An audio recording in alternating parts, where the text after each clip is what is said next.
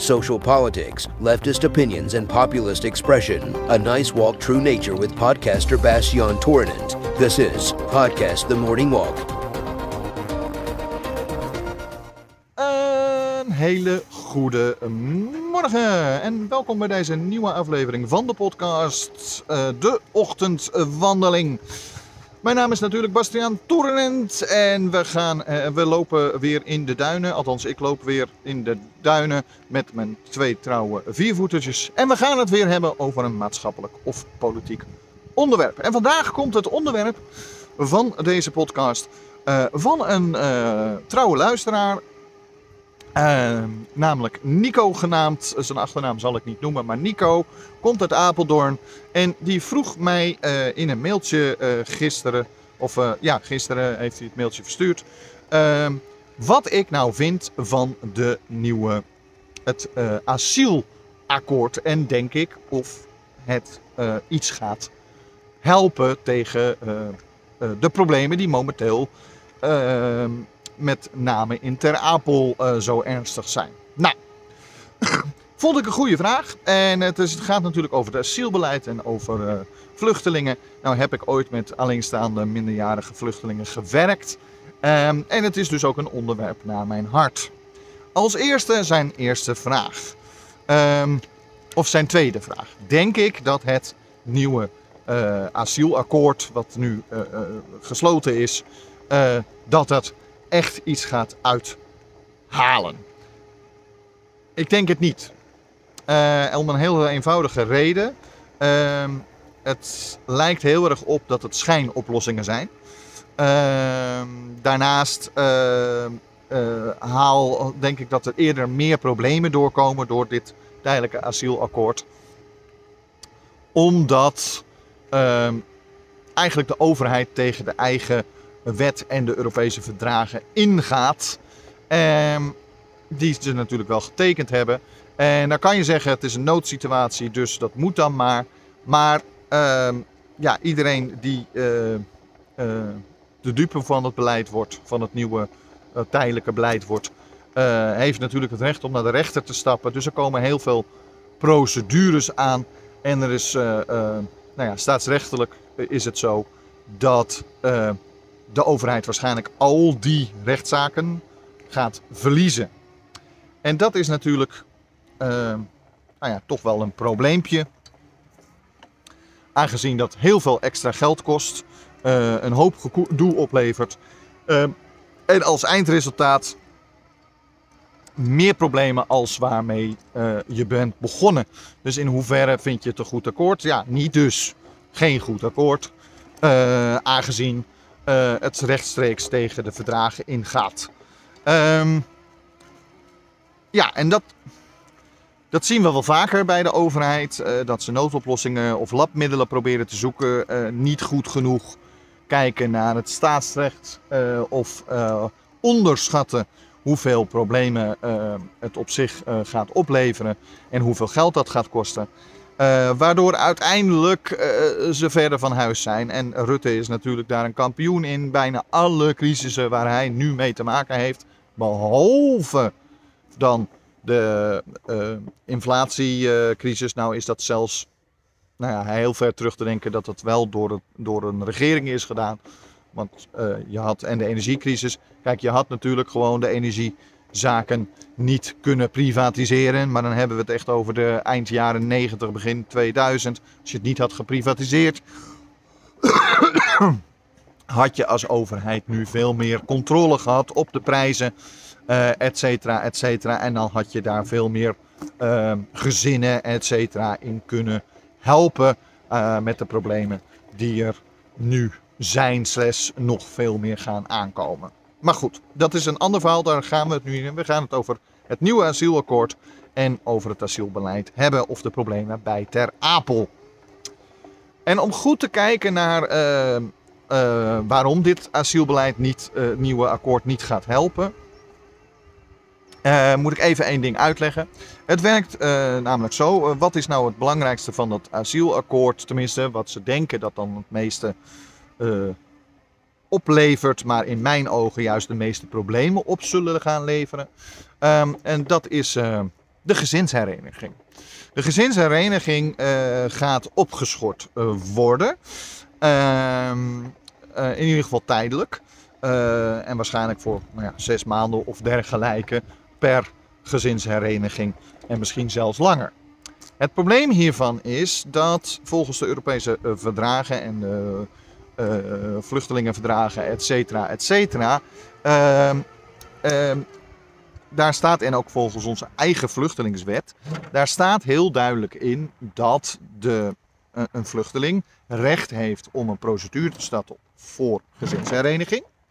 Uh, nou, die, die blijft. Dat zal blijven in dit akkoord. Het is zo dat ze nog steeds de procedures om gezinshereniging uh, te krijgen te starten. Dan wordt er opnieuw bepaald of iemand inderdaad recht heeft om uh, zijn, haar gezin en of dat nou moeders, vaders, kinderen, et cetera zijn.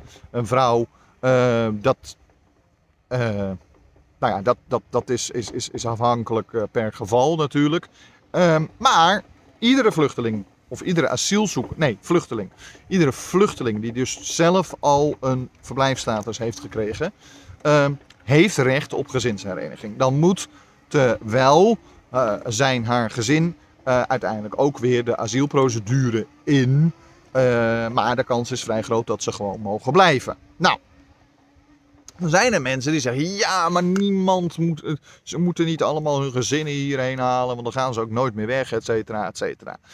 Uh, maar waarom halen vluchtelingen, zeker uit oorlogsgebieden, nou hun kinderen, uh, vrouwen en dergelijke hierheen? Ehm, nou, dat is heel simpel. Meestal is de overtocht Ehm, of de tocht richting Europa ehm, is gewoonweg te gevaarlijk. Ehm, is gevaarlijk, eh, kost heel veel geld. en zeker voor jonge meiden, en, en maar ook uh, wat oudere vrouwen, is het helemaal gevaarlijk. Want de, de, kans op verkrachting en dergelijke is enorm. Zowel door medevluchtelingen, maar ook vooral door met name dus mensensmokkelaars, et cetera, et cetera. Dus sturen ze vaak man of oudere zoon of wat dergelijke vooruit. Of in ieder geval, nou ja, de, omdat ze recht is binnen bijna heel Europa op gezinshereniging zorgt het ervoor dat je dat één maar zo'n gevaarlijke tocht hoeft te, te, maken naar bijvoorbeeld Nederland. Um, en dan hier asiel aan te vragen. Vervolgens gaat hij in de asielprocedure. Um, en als hij eenmaal in de asielprocedure is geweest en hij heeft de vluchtelingenstatus gekregen, heeft hij recht op een gezinshereniging. Het probleem van de gezinshereniging is met name dat het eh, volgens alle verdragen en ook de Nederlandse wet, dat het snel moet gebeuren. En waarom? Omdat meestal de moeders, kinderen, vrouw, uh, et cetera, uh, in, uh, ergens in oorlogsgebied nog zitten of in een vluchtelingenkamp ergens in Turkije of weet ik veel waar, waar zij dagelijks nog ernstig gevaar lopen op nou ja, wat er allemaal kan gebeuren op dat soort momenten. Ehm, dus ze hebben recht om snel in veiligheid te, te worden gebracht. En dat is ook belangrijk, zowel voor de integratie van de mensen hier. Nou goed, daar kan je het allemaal mee oneens zijn, maar dit zijn internationale verdragen. Daar heeft Nederland zich gewoon aan te houden. Uh, als je nou die uh, uh, nu opeens zegt van ja, uh, gezinsherenigde procedure mag nog steeds gestart worden. Maar als eenmaal wordt bepaald dat het inderdaad mag, dan verstrekken we niet meteen de visa. Want daar, daar gaat het nu om in het zogenaamde asielakkoord wat er nu net even bereikt is tussen de coalitiepartners, dan wordt er even geen, hoe heet het, verstrekt. Nog geen visa verstrekt voor de mensen die nog niet in Nederland zijn. Voor het gezin wat nog in het buitenland ergens in een gevaarlijke situatie zit. Het probleem hiervan is, is dat volgens de wetgeving en volgens de verdragen de overheid verplicht is om dit meteen te doen. Zodra het kan, zodra het toegezegd is, is zijn ze verplicht om die visa af te geven. Zodat de desbetreffende personen ook naar Nederland kunnen komen. Vergeet niet dat deze personen vaak naar een ambassade ergens uh, voor hun vaak in een vreemd land moeten komen. Een Nederlandse ambassade. Daar kunnen ze de visa slash paspoorten krijgen. En uh, uh, meestal moeten, soms moeten ze zelfs nog zelf voor hun vlucht richting Nederland betalen. Nou, heel vaak wordt dat ook door de ambassade geregeld. Maar het gaat er vooral om dat deze mensen niet zo makkelijk, ze krijgen dan vaak zes maanden de tijd om naar een desbetreffende ambassade te komen met gezinshereniging. Dit is vaak al een bijna onmogelijkheid voor deze uh, mensen. Daarom lukken soms uh, lukken best veel gezinsherenigingen ook niet. Um, nou is dat al de gewone procedure. Maar als je dan die visa niet gaat afgeven, nou ja, goed, dan is het wel zo dat deze mensen iets meer tijd krijgen om naar de desbetreffende ambassade te komen. Maar uh, volgens het internationale recht en vooral met de vluchtelingen, uh, hoe heet het, verdragen, uh, schendt je daarmee de rechten van deze zowel vluchtelingen in Nederland als de vluchtelingen in het buitenland. Wat krijg je dan? Dan gaan deze mensen, en terecht, ehm, de staat aangeven, ja joh, u heeft zich ook aan de wet houden, ik moet die visa hebben. Nou, dan geven ze het niet af. Dan gaat dus zo'n advocaat gaat gewoon, uh, zo'n asieladvocaat gaat gewoon een procedure starten tegen de staat. Nou ja, als je dat doet, uh, goed, dat gaat een, een, half jaar duren of wat dan ook. Maar de staat zal die procedure, de gerechtelijke procedure, verliezen. Moet alsnog die visa afgeven. De mensen komen alsnog deze kant op. Plus dat er enorm veel kosten zijn gemaakt. Geeft het iets verlichting? Ja, misschien tijdelijk tijdelijk geeft het iets verlichting. Uh, want die mensen hoeven niet, uh, die mensen hoeven niet nu of over twee maanden opgevangen te worden. Maar dat hoeven pas over uh, zes maanden of acht maanden. Het probleem er alleen van is, over acht maanden heb je nog steeds een instroom. en als er genoeg gerechtelijke uitspraken zijn geweest, ja, dan gaat de politiek stoppen met dat uitstelbeleid. Het probleem daarvan is dat er in één keer weer heel veel mensen komen. Want alle achtergestelde uh, mensen die niet hun gezinshereniging hebben kunnen doen, komen dan op dat moment ook weer. Dus het is gewoon uitstel van executie en het gaat niets helpen en kost alleen maar geld.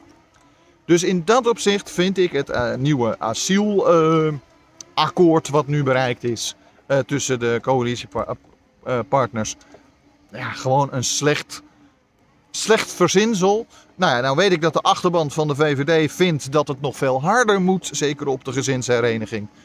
Ze vinden eigenlijk dat er gewoon een vluchtelingenstop tijdelijk ingesteld moet worden. Het probleem daarvan is, dat gaat niet. Daar gaat onze regering zelfs niet over. Daar gaat Brussel over. En het probleem is dat wij onze handtekeningen overal onder hebben gezet. Dus al zou je het willen, dan...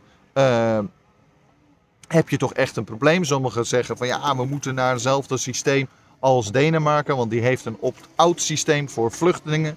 Uh, dat is helemaal waar, dat hebben ze daar. Uh, maar dat hebben ze wel ooit in het begin van de Europese, toen ze deel uh, werden van ehm, eh, het Europese parlement. Toen hebben ze dat al afgesproken. Je kan niet zomaar tussendoor opeens de afspraken veranderen. en zeker Nederland niet, want die heeft met name bijvoorbeeld Hongarije, maar ook uh, Polen en Engeland met de brexit op de vingers getikt. Dat je niet zomaar dit soort verdragen even aan je laars kan lappen. Waarom zouden wij dan wel dat recht hebben? Um, nou ja, dat is wat de VVD'ers van vinden. Nou weet ik dat ChristenUnie juist met name vindt dat het niet een goed idee is. Uh, en die vindt juist dit stukje met de gezinshereniging juist heel erg hard. En ook uh, eigenlijk niet haalbaar. Uh, bovendien twijfelen ze of het gaat werken. Dus je krijgt twee kampen binnen het coalitieakkoord. en zeker als het niet gaat werken, uh, dan zal die kampen alleen maar verder uit elkaar gaan. D66 zal in mijn beleving meer op de ChristenUnie-kant zitten. En ehm, het CDA meer op de VVD-kant. Dus je krijgt eigenlijk gewoon de T-splitsing die je al heel vaak met heel veel onderwerpen hebt. Maar ja, hoeveel van dat soort T-splitsingen en dat soort crisissen tussen de coalitiepartners. Gaan ze nog overleven? Zeker na uh, mijn, uh, het onderwerp van gisteren. Dat, uh, hoe heet die met name, ehm, nou, Wopke Hoekstra opeens tegen het afgesproken beleid ingaat. Goed, wat is nou wel een oplossing? Nou ja, dat, op de korte termijn is dat gewoon heel moeilijk. Uh, maar daar gaan we het zo verder over Do you love theater? Do you need a good director? Or do you like story and opinion podcasts? Then is Torinen.nl from Bastion Torinen the right company for you.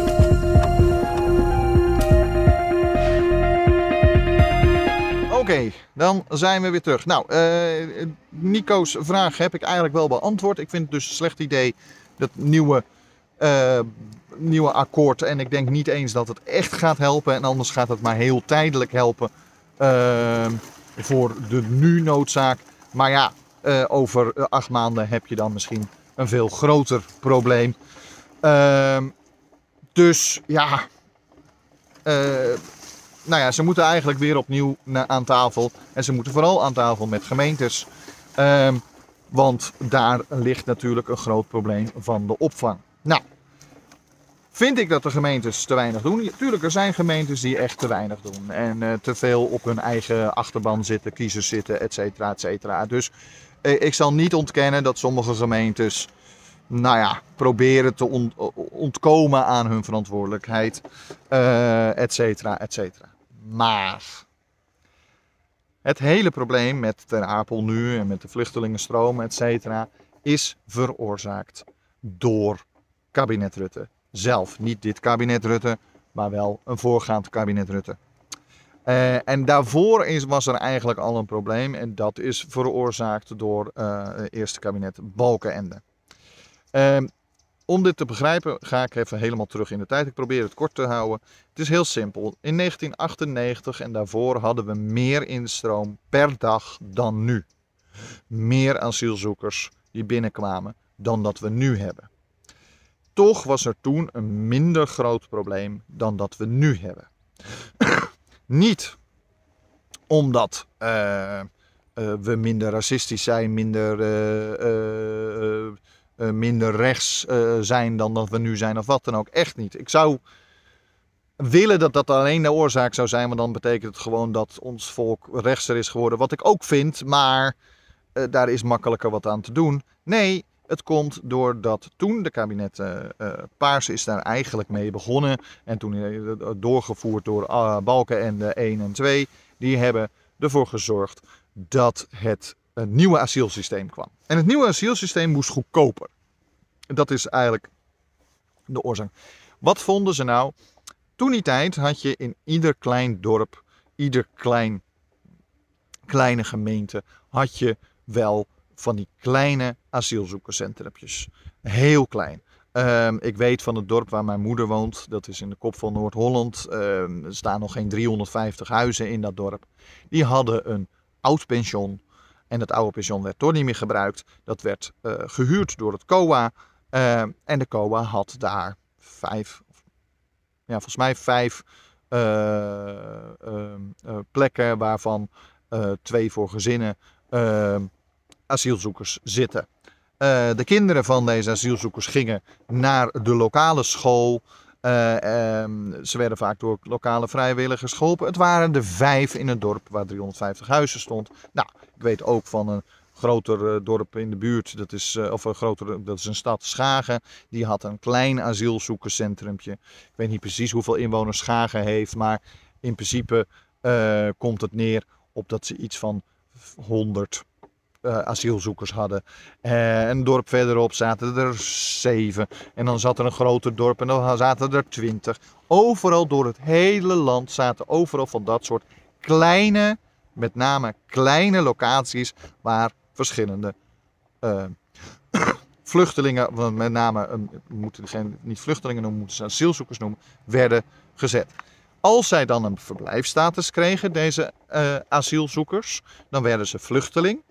Uh, dan probeerde het COA met de lokale gemeente en het uh, dorp uh, ervoor te zorgen dat zij dan ook in dat desbetreffende dorp, of in ieder geval in een dorp vlak daarbij, eh, eh, een woning kreeg.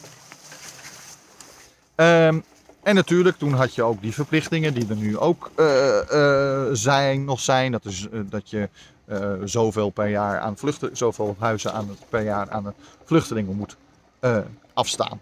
Ehm, nou, dat was, dat werkte op zich prima. Het grootste voordeel was dat de lokale bevolking niet het gevoel kreeg dat ze overspoeld werden met vluchtelingen slash asielzoekers. Eh, tuurlijk, zaten toen ook binnen de asielzoekers en vluchtelingen ook wel als af en toe een rotte Maar omdat ze niet allemaal bij elkaar zaten, had je hier en daar af en toe eens een incident. En niet van die enorme grote eh, problemen zoals er nu zijn. Nou, dit was alleen in de ogen van het kabinet, van de kabinetten toen, te duur. Want ja, de COA moest overal van die kleine dingetjes huren, et cetera. En, en, en zorgen dat er mensen konden komen, zodat de vluchtelingen geholpen werden, et, eh, et cetera, et cetera. Dat was te duur. En eh, ja, dat eh, moest, alles moest veel grootschaliger. Daar kwam het eigenlijk op neer. Dus nou ja, Ter Apel was er, kwam er en er kwamen veel meer grote asielzoekerscentra's.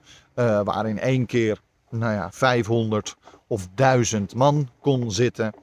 In plaats van dat het maar vier of vijf in een klein dorp waren en een grote dorp eh, 100. Het grootste probleem daarvan, eh, wat er toen is ontstaan, is eh, eh, dat je hele grotere locaties kreeg. En als dan er minder instroom was, een, tijdje minder instroom was, dat die grote locaties opeens leeg stonden. En mensen die daar werkten hadden niks te doen, et cetera. Wat zijn ze vervolgens gaan doen? Zijn ze iedere keer als er dan eh, minder instroom was, zijn ze ook die grote units gaan sluiten. Het eerste probleem was dus al dat ze die grote units gingen doen en niet het veel meer gingen verdelen over heel Nederland. Wat daarvoor het beleid was en eigenlijk veel beter werkte. Want je had veel betere integratie, et cetera. Het tweede probleem was dat ze eh, die hele grote units hadden waar gelijk 500 man in kon. Eh, of 300 man. En eh, deze dan weer gingen sluiten en zelfs helemaal weg gingen halen. eh, op het moment dat er te weinig instroom was. Nou, u begrijpt wel, dit wisselende beleid zorgt ervoor dat je iedere keer als het dan ineens wel weer een grotere instroom was, weer een probleem kreeg. Nou, meestal konden ze tot 2015 hebben ze dat iedere keer kunnen oplossen. Maar ja, eh, Rutte zou Rutte niet zijn als hij niet te veel bezuinigd had. Hij heeft in één keer heel veel eh, vluchtelingen, of tenminste eh, asielzoekerscentra's gesloten. En alleen maar schaalvergroting gedaan daar waar ze dan wel nog moesten blijven staan. Het probleem ervan was dat je toen in één keer eh, Syrië-oorlog ontstond natuurlijk kwam. En in één keer kwamen er hele grote groepen vluchtelingen deze kant op. Naast de gewone vluchtelingen die we altijd al hadden. Dit kon niet meer verwerkt worden in 2015. Nou, in 2015 waren alle gemeenten, echt bijna alle gemeenten, bereid om eh, te helpen. Eh, zorgen voor extra noodopvang. Eh, ook hier in Zandvoort hebben we een gymzaal werd, eh, werd, werd, beschikbaar gesteld. Sommige gemeentes gingen ook vastere locaties beschikbaar stellen. Ehm, en dat was natuurlijk een heel mooi initiatief. Iedereen was daartoe bereid. Je hebt het een beetje met de Oekraïne-vluchtelingen natuurlijk ook gezien. Ehm, maar toen de grootste druk in 2015 over was, wat ging Rutte vervolgens weer doen?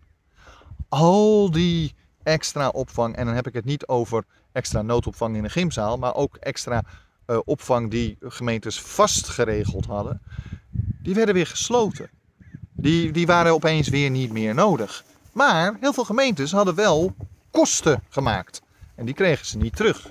Nou, daarbij krijg je ook nog dat eh, de staat heeft te weinig betaald aan de jongerenzorg, eh, jeugdzorg. En sommigen zeggen, wat heeft daar nou mee te maken? Nou, heel simpel. Als de gemeente te weinig geld krijgt, daar heeft, dat hebben ze bij de Raad van State uiteindelijk gewonnen.